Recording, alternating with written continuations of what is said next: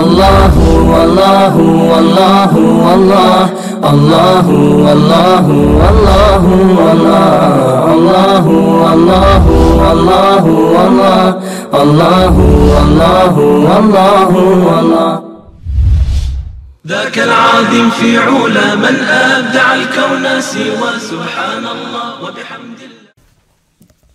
Prije počnemo, sad sam u džami, kad smo klanjali farz, pošto sam bio u drugom safu, jako se često to desi. Da kad se e, preda selam i klanjač koji je predao selam za imamom, hoće da ustane i da izađe vani ili da se pomeri skroz iz safa, da bi nek, negdje onaj izvan safa pozadi u džami e, klanjao sunet, zikrio, šta god. Ustaje, okreće se da odmah krene i vidi za sebe klanjače i krene sa ovako teturat isto kao da je na nekoj prečici poče da padne. To milion puta da se hoće li neće, šta će, i uglavnom izgubi ko neki balans i ipak prođe ispred klanjača. To je braća zabranjeno. Znači, molim vas, fokusirajte se na sebe. E, znači, uvijek razmišljajte kad klanjate namaz, da postoji velika mogućnost, kad ste u džematu, u džami, da iza vas ima neko ko, još ni, ko je usto na treći i drugi rekiat. Znači, naklanjava od rekiata ono što je propustio znači kao prvo musliman e, je u svemu dostojanstven. Pa i u tom ustajanju nakon namaza. Znači koliko god da žurite, ništa se neće postići sa onom brzopletošću da prvo ide glava, pa tijelo, pa onda ne znamo gdje smo. Ustanete, dostojanstveno se okrenite cijelim tijelom, da pogledate šta se dešava iza vas. To će uzeti od vas dvije, tri sekunde. Ali će u isto vrijeme, znači, da uh, u isto vrijeme će šta da uradi? Da vas uh, spasi od uh, te greške, a to je da prođete ispred klanjača, što je jako opasno. I opasno je za vas, buni klanjača, remeti njegov, njegov, onaj, njegov skrušenost u namazu i tako dalje. Druga stvar, ako se ako se i e, ako trebate da izađete, znači okrenete se, vidite da je iza vas čovjek koji je nastave da klanja. Ne možete ići, znači, frontalno, da mu pređete mjesto gdje on čini seđdu i iza toga još nekih, da vam ne bi sad citirao hadise, kolika je razla, razdaljna i šta, uglavnom još otprilike nekih pola metra znači gdje čini otprilike seđdu, još pola metra. Ne možete proći tu. Šta radite? Znači, ustali ste, okrenuli se cijelim tijelom i vidite da iza vas čovjek koji je klanja. Ili nekoliko njih klanja i ti ako kreneš da prođeš, prođeš ispred jednog, dvojice i trojice. Ponovo se okreneš prema kibli i kreneš naprijed prema kibli. Da napraviš ostojanje dovoljno ostojanje između tebe i tih ljudi koji klanjaju i onda kreneš za obiđeš, najvjerojatnije da s lijeve strane ili desne su ljudi koji su već završili namaz. Ispred njih prođeš. Dovoljan broj njih, koliko si izbjegao one iza koji klanjaju i onda zamoliš nekoga ili blago rukom, raz, znači razmakneš i ili staneš da sačekaš da se on sam skloni, da skloni svoje rame i prođeš. To vam je, braćo, ispravan postupak kako postupiti kada ste u toj situaciji. Znači, neću reći da na svako namazu, jer i ne kasnim na svaki namaz ovako, da, da mi se onda desi. Ali Haman, kad god dođem uh, u džamiju, gdje nisam stigao na prvi rekat, desi se slična situacija. Skoro na svakom namazu ljudi pravi jedne te iste greške.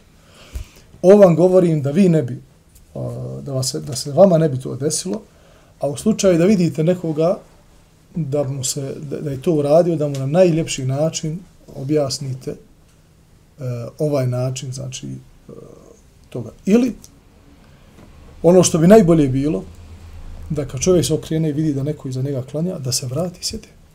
To je najbolje. Ja govorim sada u situaciji da mora da ide. Znači, ustoje, treba odmah posle farze, može se da čovjek zauzet, da je parkirao auto, na, nije bilo dovoljno parkinga i pa da dođe u džamiju, pa je tu negdje izbacio četiri žmigavca i tako dalje i tako dalje. Znači, mora da izađe, evo ga način. Ali je najbolje da se ponovo okrene prema kibli i da sede na mjesto da zikri dok ljudi ne završe namaz za njega.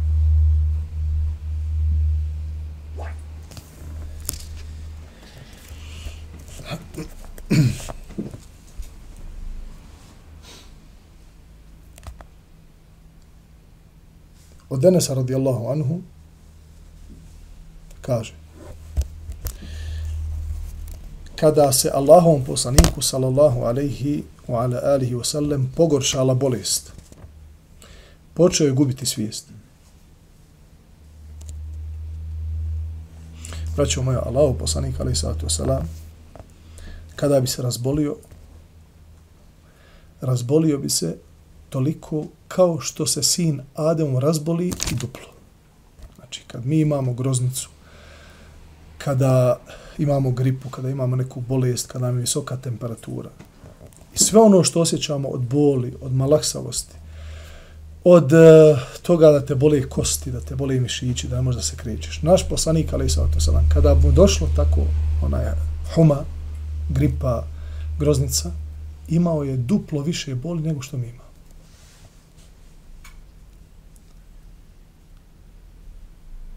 Šta nam to govori? To nam daje, braćo moja, jedan uh, cijeli osvrt na tome kako Allah Đelešanuhu gleda na svoje robove. Jer čovjek živjeći na, na ovom dunjaluku,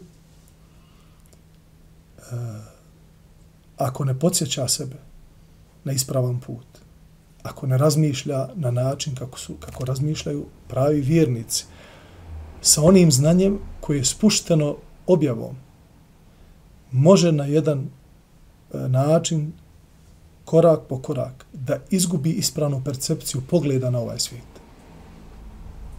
To je da ga ovaj svijet, dunjalog, šta? Zavara. Što mu je posao?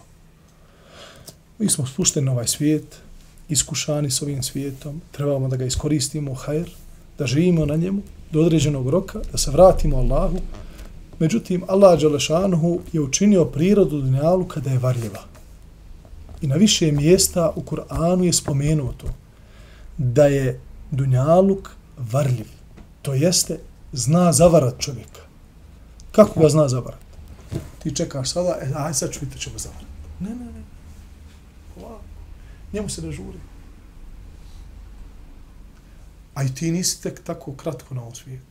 Znaš, maraton je ovo veliki, cijeli život. Da insan zna da će živjeti samo godinu dana. Što naši kažu, ljudi, pljune ušake, godinu dana, evo Allah, sad ćeš da vidiš. Ali nije, ne znaš. Možda kad bi ti neko sad rekao, ili sigurno, živjet ćeš godinu. Napismeno. Živjet ćeš još godinu. Zapeo da, da, da radi, ma kakav dunjal, šta je još godinu dana sam ovdje. I gdje idem? U hladnu zemlju, crnu. Nema svjetla, nema. I onda vječno. Allah se. I to nam nekako izgleda, Allah pa jest, da mi neko kaže, ja bi zabrao. A možda neko od nas koji je večeras ovdje, ne doživi sljedeću nedelju. Pogledajte koliko je to varljivo. Zar nije dunjalko varljiv? Jest. Druga stvar. Mi ljudi imamo jedan specifičan pogled na one koje volimo i one koje ne volimo. One koje volimo želim da im damo, da im je ugodno, da im lijepo, ali tako. To je, to je naš odnos prema onima koje volimo. Hoćemo da im ugodimo, da im je stalo, fino i tako dalje. A onoga koga mrziš, i koga prezireš, nećeš da mu dadneš ništa lijepo. Pa na kraju krajeva možda se i desi nekome od nas, da ako se nekome koga mi mrzimo, a ne mrziš čovjeka, tek tako ono, ne znam, nija žut, visok, makar je vala ovi žuti, visoki, nemoj da mi idu na oči. Nije, nešto ti uradio nažal. ili nešto pričao protiv tebe, ili ti nešto uradio, ili ste imali zajednički biznis pa se posvađali. Neka, većinom to bude dunjalučka konotacija koja je izašla onako kako ti to nisi želio, na pogrešan način, ti iz tog čovjeka šta zamrzio. Ili zbog priča, neistina, istina i tako dalje, tako dalje. Znači, razni su način da čovjek čovjeka počne da prezire. I njemu se nešto loše desi. Znamo mi nekad sebi dopust da kažemo, pa vidiš da je zaslužio. Pa ne mrzim ja njega džabu. Kod Allaha nije tako. Ako Allah nekome dadne i stalno mu daje, to ne znači da ga voli. Apsolutno. Apsolutno. A ako nekome uzima, uskraćuje, daje mu bol, pošalje mu tugu, redovno ga iskušava, ne mora znaš da ga mrzi. Naprotiv. Najveća iskušenja, kao što kaže poslanik sallallahu alaihi wa sallam u Jerusalem hadisu, su imali poslanice. Zatim oni poput njih, to je poput njih uputi, dobri ljudi, plemeniti, abidi, alimi, vrijedni, klone, klone se grijeha, ustrajavaju na pravom putu, kaju se, pomažu ljudima, iskušani. I to ne samo da su iskušani, nego po najviše iskušan. To nam govori, braćo moja, o tome je da Allah Đelešanuhu ima pravila. koja mi ljudi, kada neko od naših bližnjih i oni koje poznajemo, ili mi sami, prođemo kroz neko iskušenje ili ga doživimo, da treba da se podsjetimo ovog pravila, jer će nam biti lakše. Ako se čovjek ne podsjeti, a stalno iskušenje dolaze, može jednoga dana da kaže, subhanallah, šta sam ja ovoliko, a ja sam više puta čuo ljude koji se okreću prema kibli i klanjaju, kaže, šta sam ovoliko Allahu ona iskrivio? Brate, uopšte ne mora znaš da se skrivio. Ko hoće da kaže, zar nema gorih ljudi od mene pa da njih iskušava? Što, što ja? Pa možda si upravo iskušan zbog toga da ne bi to rekao što ja. I to što, što ja te spustilo na jedan niži stepen za koji Allah nije htio da padneš. Jer što ja je replika na Allahov, na Allahov kadar i njegova djela, je li tako? Zašto ja? Zašto si ovo me gospodaru dao, a meni uzeo? Šta je to? To je replika na Allahov, na Allahov određenje. Je li to smije vjernik sebi da dozvoli? Ne. Da se potrudiš, da imaš ko neko, na halal način, nikakav problem nije. Da se potrudiš da imaš više od njega, nikakav problem. Da želiš, da žudiš, da kažeš, ja volio da ima više od njega, nikakav problem. Što njemu Allahu, a meni ne, to je problem. To je problem. I onda automatski, znači Allah te iskušava, podiže ti stepene, ti si čvrst, i onda jednoga dana klekneš, poklekneš i kažeš, a što se u meni događa? Odmah si spušten na jedan niži nivo. I odmah će ti počet iskušenja dolaze manja nego što se dolazila. Jer nisi više vrijedan onih krupnih iskušenja. Nisi više vrijedan onih krupnih iskušenja koje Allah šalje dobrim robovima. Kada je počeo, sallallahu alaihi vseleme, gubiti svijest, primijetivši to Fatima, radijallahu anha, njegova kćerka, reče, o muke oca moga. Čerka. Vidi svog oca koji voli najviše na svijetu. Zato i što je otac i što je poslanik. Niko nije zavrednio više da ga voli nego što da, da, da dijete čiji je otac poslanik da voli svog, svog oca. I zbog imana, i zbog emocije, i zbog svega onoga što. Pogotovo da voli osobu, čovjeka, kao što je bio naš poslanik sallallahu alejhi ve sellem. kada je bio prema neznalcu takav plemenit, kakav je bio prema svojoj djeci, prema svojoj porodici. To se sigurno onaj bila jedna velika i odlika, a i Boga mi onaj ljepota za tu djecu koja koja su odrasla u okrilju našeg poslanika. Kada je to ona rekla, tjevši da se požali na njegovo stanje, on reče, tvoj otac poslije ove današnje muke niš, više nikada neće imati nikakve muke. Jer je sallallahu alaihi wasallam bio upitan od strane Meleka Džibrila da li će da se vrati svome gospodaru ili će da ostane. I to je bila praksa sa Allahovim poslanicima, alaihimu salatu wasalam. Da je Allah prije nego što bi uzeo dušu nekog poslanika, slao Meleka da pita jesi li spreman. Želiš se vratiti svome gospodaru ili da te još ostavim? Da te još ostavim. Da. I poznata je ona predaja od Musa a.s. kada je došao melek smrti kod muslima, duži hadis, pa pošto ga je Musa a.s. zatekao u svojoj kući, bio obliku čovjeka, pa je pomislio da je čovjek, pa mu izbio oko, jer je u Musa a.s. Eh, šarijatu bilo da ako neko proviri kroz prozor ili kroz slučajovnicu ili kroz vrata tvoje kuće bez tvog izona, imaš pravo da izbiješ oko i ne smijete za to niko teretiti. I to je ostalo jednim dijelom taj šarijat eh, u našem šarijatu, u islamu, da ako neko gleda unutrašnjost tvoje kuće kroz ključavnicu, kroz neku rupu i ti uzmeš oštar predmet i kroz tu rupu pogodiš njegov oko i njegov oko iscuri, neće biti pita. Ne odgovaraš za to djelo. I onda je uh, melek smrti, kao što je došao kod muslima, uh, rahimahullahu ta'ala, vratio se Allahu, Allah mu je vratio oko i rekao Allahu, Đalešanu, melek smrti, tvoj rob Musa ne želi da umre. Kaže Allah, Đalešanu, otiđi mom robu i daj mu izbor. Pa mu je dat izbor da stavi svoju veliku šaku. Musa, alaih salam, jednom otvornom šaku udario Benu onoga faraonovog vojnika i na mjestu ga ubio. Krupan čovjek bio jak. Da stavi na plečku od vola šaku i onoliko dlaka koliko pokrije njegova šaka, toliko godina će oživjeti. Na dunjalu. Stotine godina još. Iza toga. I onda je Musa a.s. rekao, dobro, i kad prođu sve te godine, šta onda? Kaže, opet ja dolazim. Kaže, onda uzmi sad. Isto. Valja umri.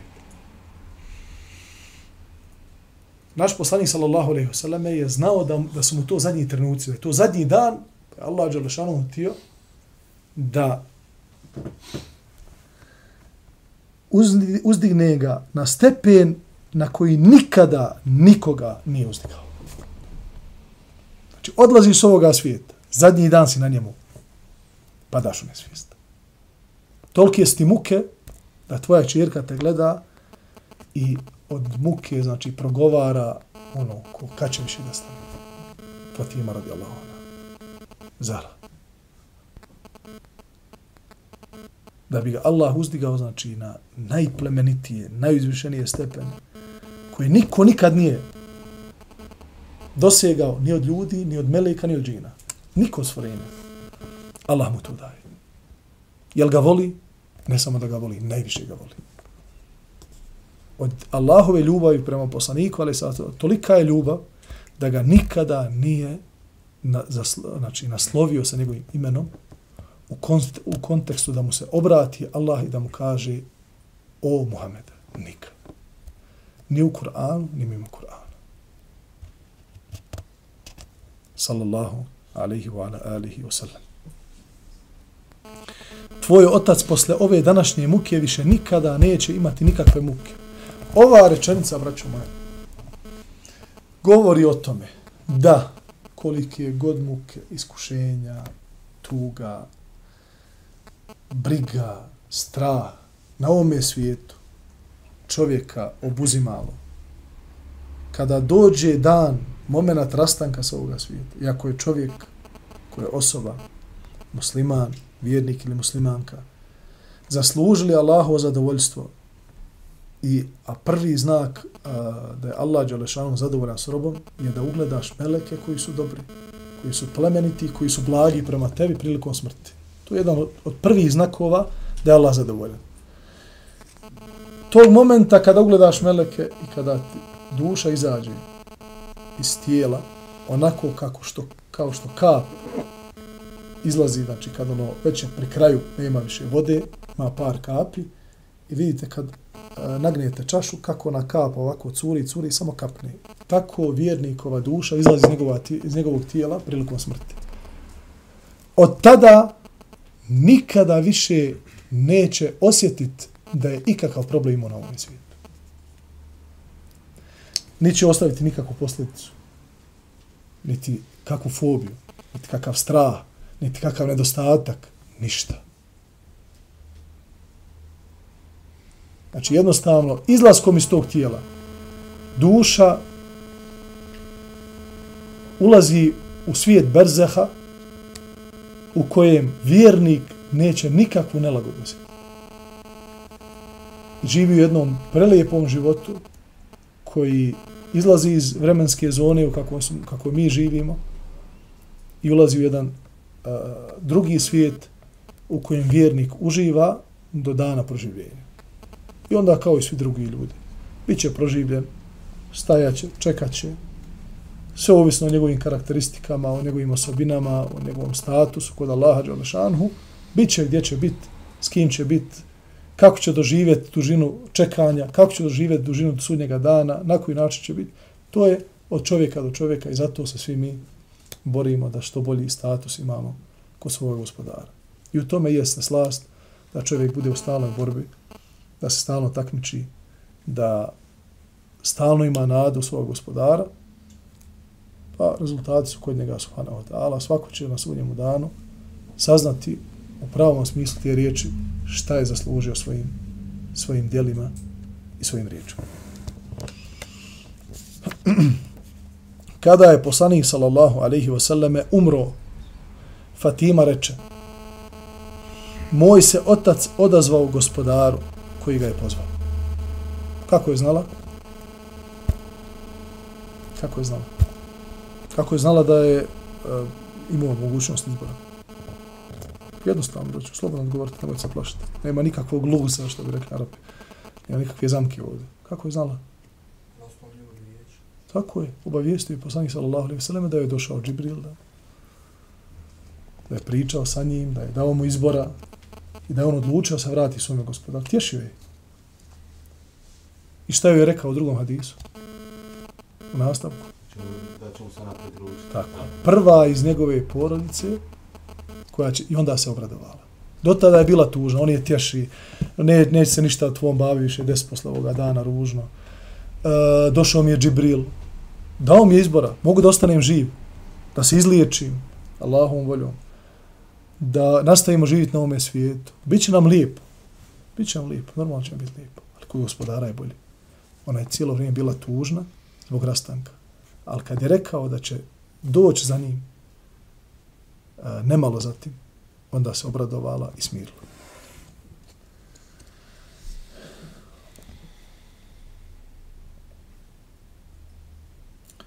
Onda je nastala Fatima radijallahu anha. Džennetul Firdeus mu je boravište.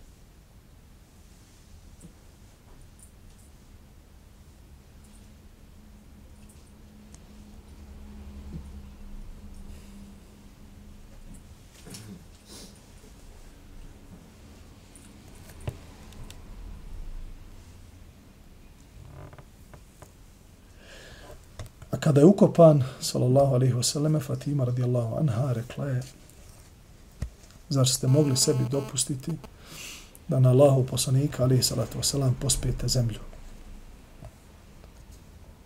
Čirka ostaje čirka. Kada je čovjek pod jakim emocijama, nemojte mu zamjeriti. Ako vam nešto kaže, što vam se ne sviđa ako je neko mnogo ljut, ako je u velikoj srđbi, ne broji se razvod. Ne računa se razvod braka. Zašto?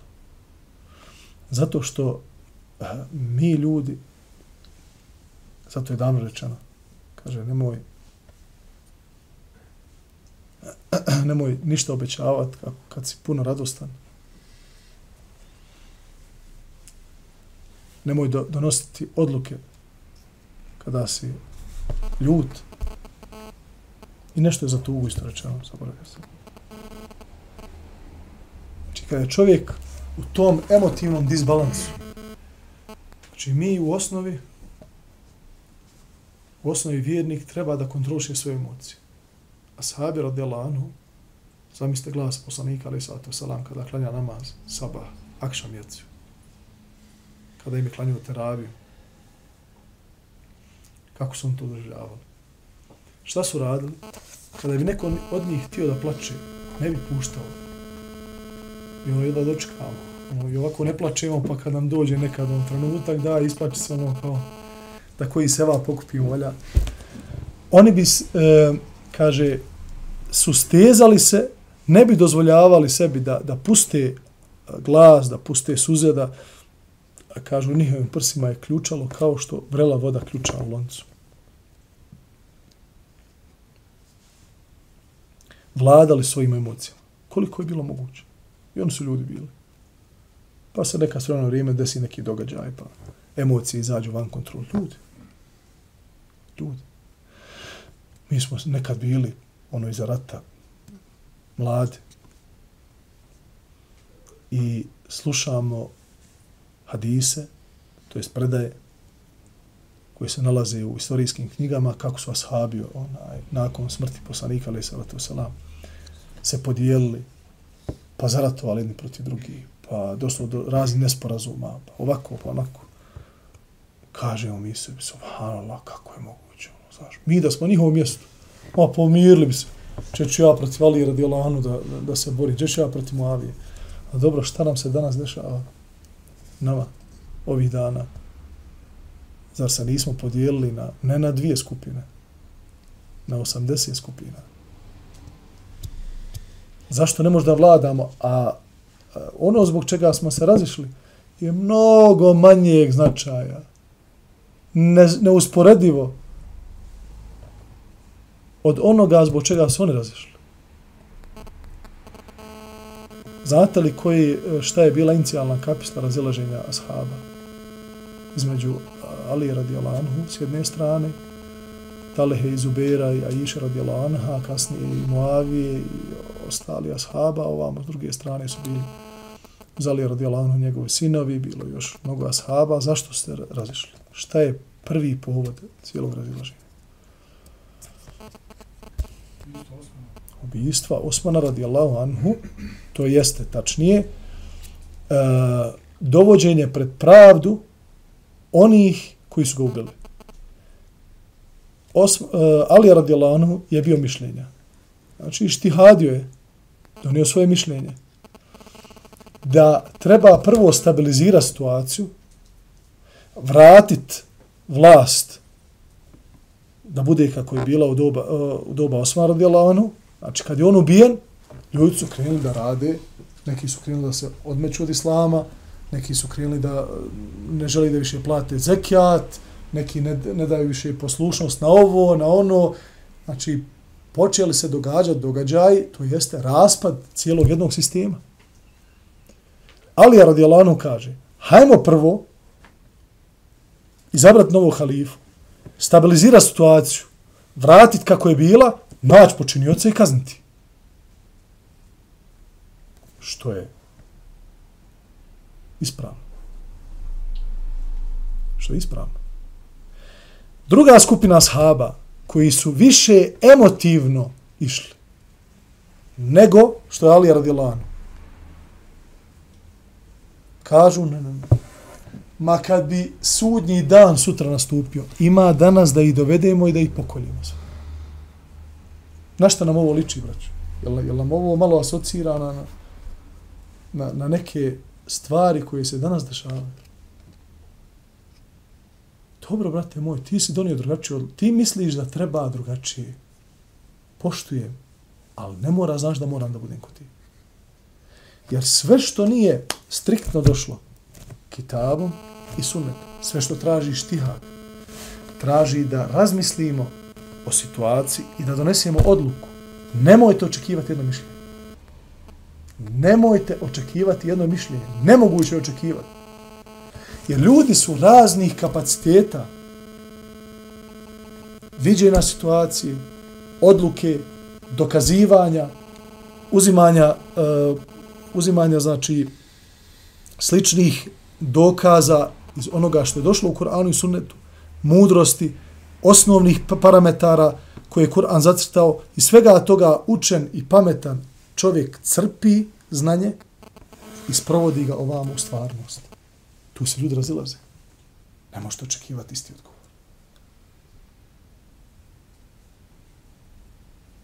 Ne. ne nismo na istoj. Nema šanse. A ne želim, neću selam da te nazovem. Ne treba mi tvoj selam. To je jako opasno. Taj emotivni, pogledajte, znači, ovo sve su ovo sahabi koji, koji mi, mi se približavamo našem gospodaru sa ljubavlju koju osjećamo prema svima sahabima. Znači, mi, mi, mi vjerujemo da ćemo biti nagrađeni zbog toga kod gospodara jer volimo sve ashabe. Ali pogledajte, znači, ova strana, druga koja je više išla emotivno, e, koliko je kasnije se razvila situacija i koliko je bilo znači tih razilaženja i bitaka i e, krunisalo je tome svemu da su licemijeri ljudi koji su imali zle namere iskoristili cijelu situaciju da ubiju nekoliko, nekoliko plemeniti, hrabri ashaba, među njima Alija radijalanu, među njima Husein, među njima onaj, drugi ashabi koji su bili na tim bitkama.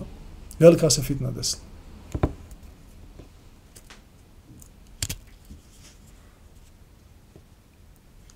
Što znači da a,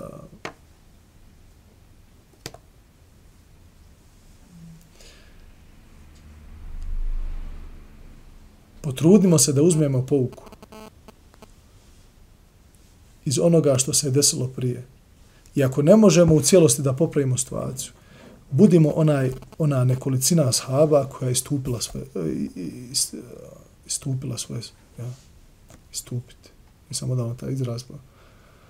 Ja, istupio i istupiti nazad, onaj jedno to isto. Koji su uzeli svoje sablje, uzeli čekić i istupili sablju. Kad su ih pitali što tu radite, kaže ne želimo da dignemo svoju sablju protiv drugog muslimana. Pa kaže doći da te ubijem. Nema već, neko me ne ubije. Ja njega neću. Ja učestvovati u fitni. Nije bila to velika skupina ashaba, ali nisu se miješali u te stvari, izmakli su se i nisu htjeli da sudjeluju. Ako ne možeš popraviti stanje, ako nisi u stanju da, da naliješ vodu na vatru, nemoj živ bio uljen izmakni se skroz da te ne bi spržilo. Pa kaže, dođe neko da mi priča, brate moj, kad ti neko priča protiv drugih muslimana, znaš što on tebi u tom trenutku radi? Prinosi ti vatru da te, da, da te oprži. Jer tvoje srce neće moći ostati mirno na govor. Nema šanse. Nema šanse. živi bili pa vidjeli. Iskušaj sebe i svoje srce. Ali ja ti kažem iz iskustva, nemoj. Dopustiš sebi, ljudima koji su skloni razgovor o drugim muslimanima, dopustiš da nekoliko puta čuješ o nekom muslimanu ili nekoj skupini muslimana, negativne vijesti, priče, ovaj neko, šta je ovaj uradio, ovaj ono, on tebi to sve umedi, uveže, ima tu istine, pa uveže sa neistinom, pa se izvrni, pa preuveliča, ti vidiš sebe a, nije više ono srce. Ti hoćeš to da odbaciš, znači ne, a, ne želiš da privatiš, ne, srce ne pita. Ušla šubha, gotovo. Zaprljio se.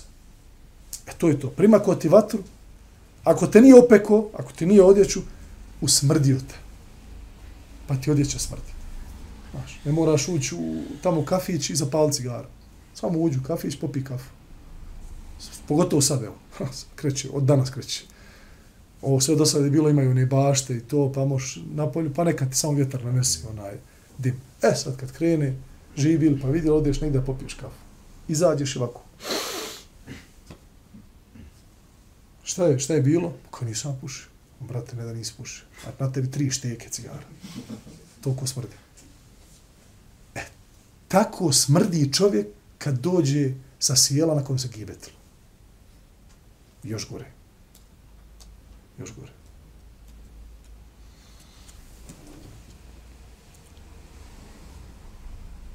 وصلى الله على نبينا محمد وعلى آله وصحبه أجمعين وآخر دعوانا أن الحمد لله رب العالمين nastavit ćemo sa sljedećim hadisom u narednom drsu. Salam alaikum.